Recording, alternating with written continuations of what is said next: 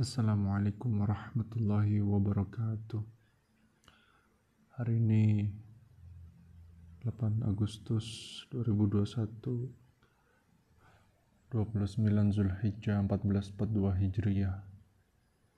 Pukul 23 lewat 17 Waktu Taiwan. Asrama Mahasiswa IECA Apa kabar saudaraku? Saudariku sekalian masih berjuang kah kalian semua? Masih kuatkah menghadapi kenyataan hidup ini? Cukup lama ya absen dari rekaman. Kangen juga udah nggak nyapa. Rekan-rekan sekalian gua harap lo semua masih kuat menjalani kenyataan. Jadi kenapa agak telat dan sempat absen? Ya, ya begitulah kehidupan gue ya. Atau mungkin secara umum 99% sifat manusia. Atau mungkin salah satunya lu termasuk. Jadi ya Alhamdulillah akhir-akhir ini ada berbagai ujian yang gue hadapi yaitu bokap gue ketipu investasi proyek tol oleh temannya yang ternyata ludes dihabis untuk putar bayar utangnya sehingga menyebabkan mesti sekarang menjual beberapa aset dari rumah dan mobil yang bokap gue punya. Kemudian kemarin Jumat habis asar tanggal 6 Agustus ya 2021 gue ditanya sama temen gue tiba-tiba kita dulu satu organisasi di Aili ya Al Azhar tempat gue kuliah dulu tanpa basa-basi dia langsung nanya gua nembak? Lu udah punya calon belum? Gua mau kenal gua mau calonin lu sama seseorang. Yang seseorang ini sebenarnya gue juga udah kenal ya. Dan gue juga suka udah lama. Awal kenal 2013 dan alhamdulillah masih keep kontak sampai sekarang. Dan ya sebenarnya beberapa minggu sebelumnya gue ngobrol terakhir ya gue mau ngirim buku ke dia. Oleh-oleh dari Taiwan gue bilang tulisan gue pertama. Ya jujur aja gue kaget ya sempet kaget banget.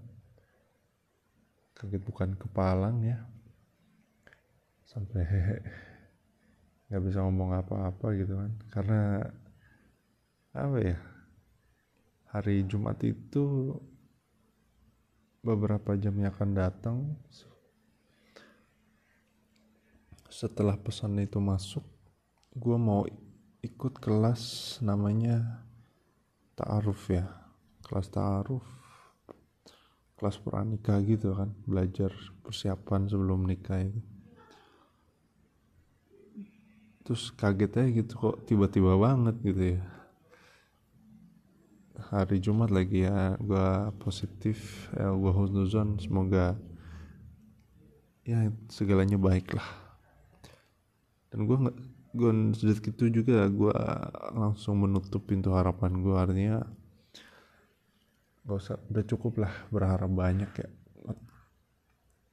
Yakin aja semuanya terjadi atas Allah dan kalau diterima syukur kalau enggak yang ada masalah juga sih.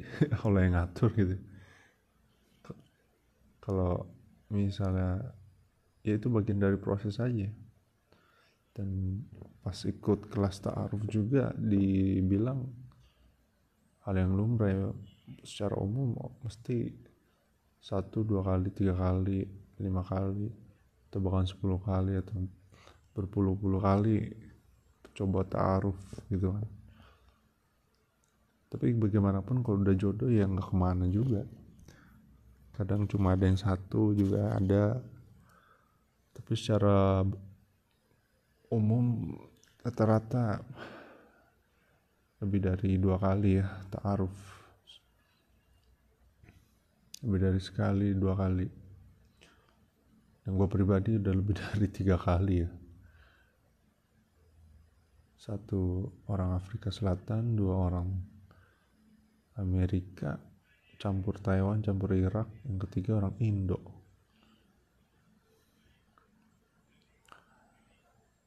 Ya gue nggak berharap banyak sih intinya. Karena gue sebenarnya mau fokus bantu orang tua gue nyokap gue khususnya ada gue yang tahun ini nggak naik kelas dua kali dan harus mengulang dan ya gue udah merasa lebih dari cukup dengan keadaan gue dari sekarang ya.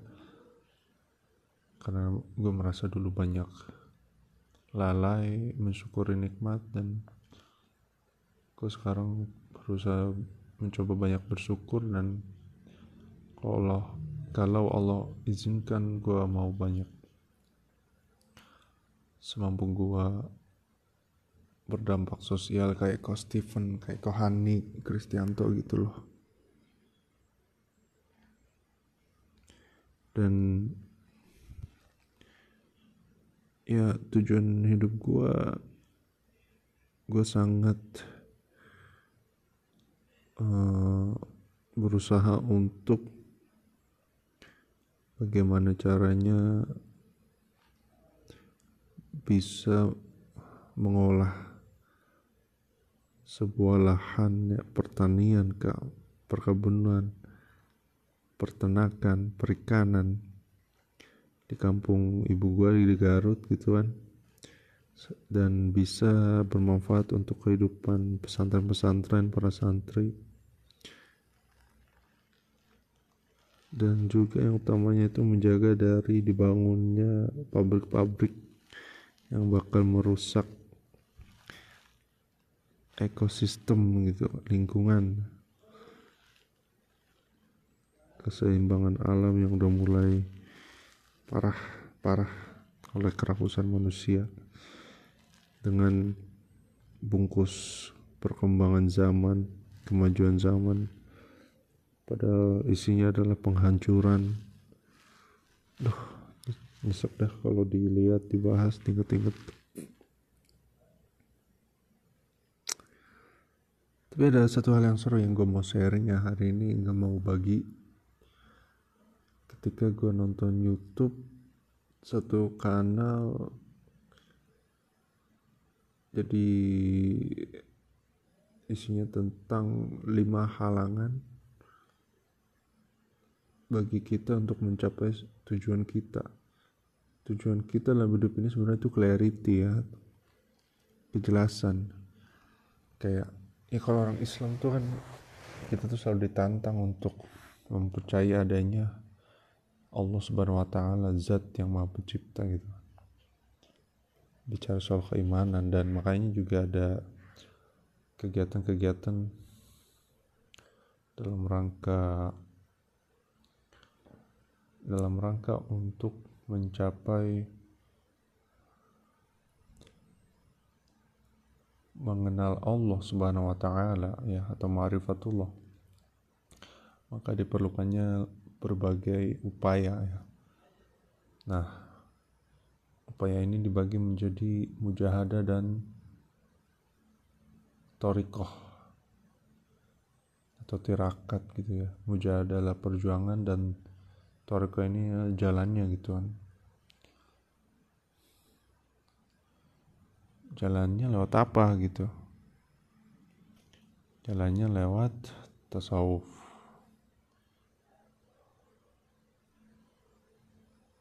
Tarikatnya latihannya gitu ya caranya. Ya kita mengurangi hal-hal yang mem, uh, mengurangi hal-hal yang berkaitan dengan syahwat kita seperti ya meng, mengurangi makan dengan banyak berpuasa. Di luar Ramadan kita ada puasa Daud puasa Nabi Daud alaihissalam dan puasa Senin Kamis. Tinggal pilih aja tuh mau yang mana. Kalau di tradisi kejawen ada, ada namanya puasa mutih ya yang sebenarnya esensinya pada pada makrifatullah gitu ya. Cuma memang caranya yang di luar syariat. Dan banyak disalahgunakan. Kemudian oh, mujad mujahadanya itu juga eh, riyadhah ya riyadhah dan mujahadanya tadi ya mengurangi makan lewat riadonya puasa gitu kan. Dan ya macam-macam ya banyak ya. Pada intinya ya tazkiyatun nafs ya pembersihan jiwa. Ya, intinya tasawuf ya, begitu.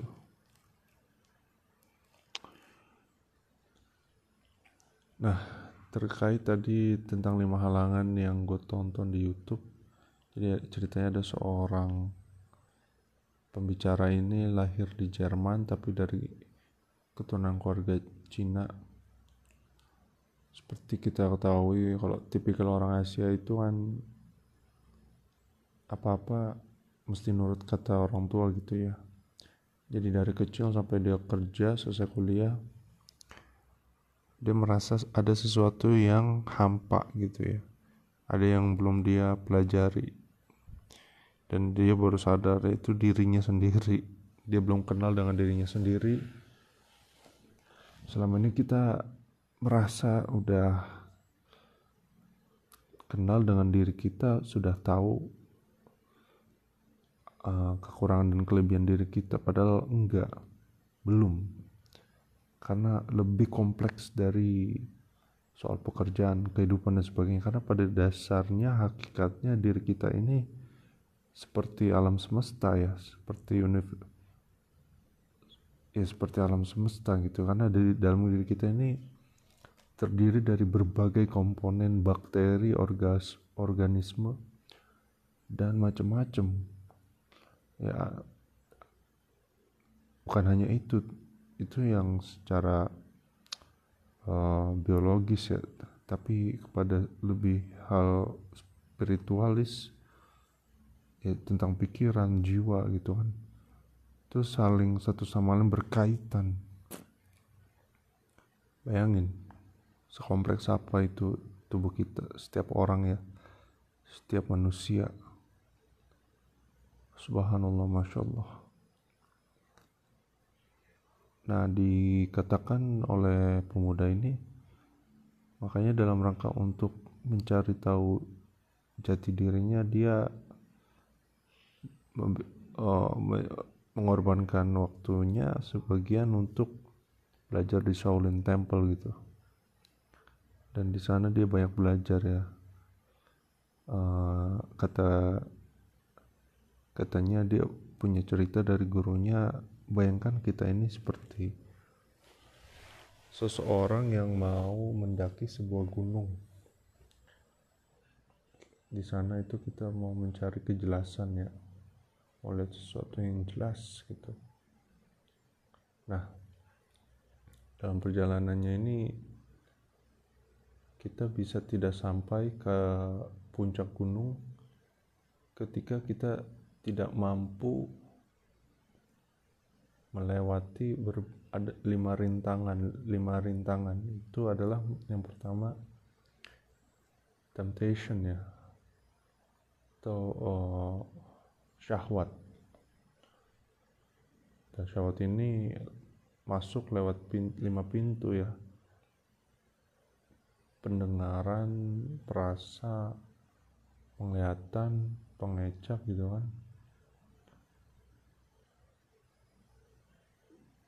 Nah kayak misalnya ketika kita baru jalan satu kilometer kata dia kita itu nemuin satu restoran yang indah diisi oleh berbagai orang yang sangat indah. Ganteng cantik gitu kan terus kita mencium aroma yang sangat menggoda. Kemudian juga berbagai minuman dan makanan yang sangat uh, membuat nafsu makan tinggi gitu ya buat gairah sehingga kita lupa tujuan utama kita untuk mendaki sampai puncak gunung. Jadi kita malah mampir ke restoran itu makan sampai kita terlena dan kita gagal ya, di, di tahap pertama. Selanjutnya di tahap kedua yaitu oh, tentang ilwil ya. Ilwil ini adalah kondisi di mana kita pikiran kita ini terpengaruh oleh kondisi. Ya misalnya kita mau naik gunung itu mesti melewati jalanan yang berliku-liku terus oh misalnya curam tebingnya karena kita udah keburu buat persepsi itu sulit nggak bisa akhirnya kita malah balik kanan gitu menyerah. Padahal dicoba aja belum gitu loh. Ya misalnya juga ada sungai dan kita harus menyeberangi sungai itu karena kita nggak suka berenang ya kita balik kanan nyerah balik pulang gitu ya. Nah, itu ilwil ya dan yang ketiga itu masuk pada di mana uh, ya apa ya gue lupa ya. Yang ketiga itu kalau nggak salah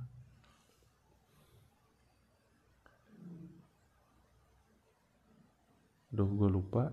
Yang gue inget inget itu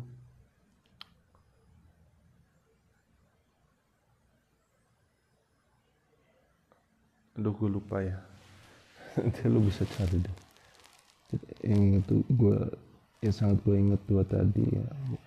Mungkin nanti lo bisa share apa search cari di Google Master Yi 5 atau 5 hindrances. Master Yi 5 hindrances. Nah, terakhir di sana itu beliau kasih tips gitu ya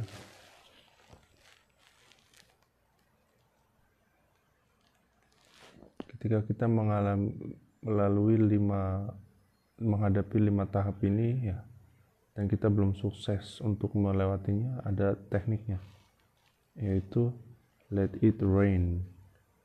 Kata kuncinya di rain di mana rain ini terdiri dari huruf R yang yang kepanjangannya recognize accept eh recognize acknowledge jadi kita kenali emosi yang kita sedang alami sedang sedih, marah, ya nggak apa-apa. Kita akui, kita terima dan biarkan situasi itu terjadi. Kemudian accept, acknowledge, terima, akui dan jangan jangan menyangkal gitu ya. Kemudian investigate kita bertanya dengan diri kita apakah dengan keadaan kita yang muram bersedih ini baik dengan masa depan kita apakah kita akan selamanya begini? Nah di investigate tuh. Dan terakhir non identification artinya kita bicara dengan diri kita saya bukan tubuh saya saya bukan emosi saya bahkan saya bukan diri saya. Gitu. Saya cuma bisa melihat ketiga halnya. Jadi jangan sampai raga kita ini jiwa kita ini lemah gara-gara raga kita gitu yang misalnya gampang atau mudah terbawa lapar terbawa aus pokoknya macam-macam lah. Jiwa kita jadi lemah. Soalnya kalau jiwa kita kuat tuh ngapa-ngapainnya kuat ngaruh ngena banget dan gue subhanallah. Oke mungkin itu sekilas apa yang gue bisa bagikan malam hari ini. Terima kasih buat lo semua yang konsisten mendengarkan dan kalau ber, dirasa bermanfaat silahkan bagi ke teman-teman kalian. Insya Allah kita besok lanjut tentang oh iya forum tempat penghubung kebaikan yang udah berjalan tiga minggu ini dan hari ini masya Allah Alhamdulillah dari cuma dua orang nambah lagi dua orang jadi total empat orang kita berdiskusi ya termasuk gua dan lumayan seru banget semoga tetap bermanfaat dari New Taipei City, Taiwan. Assalamualaikum warahmatullahi wabarakatuh. Greetings from Taiwan with love. 谢谢你， 再见。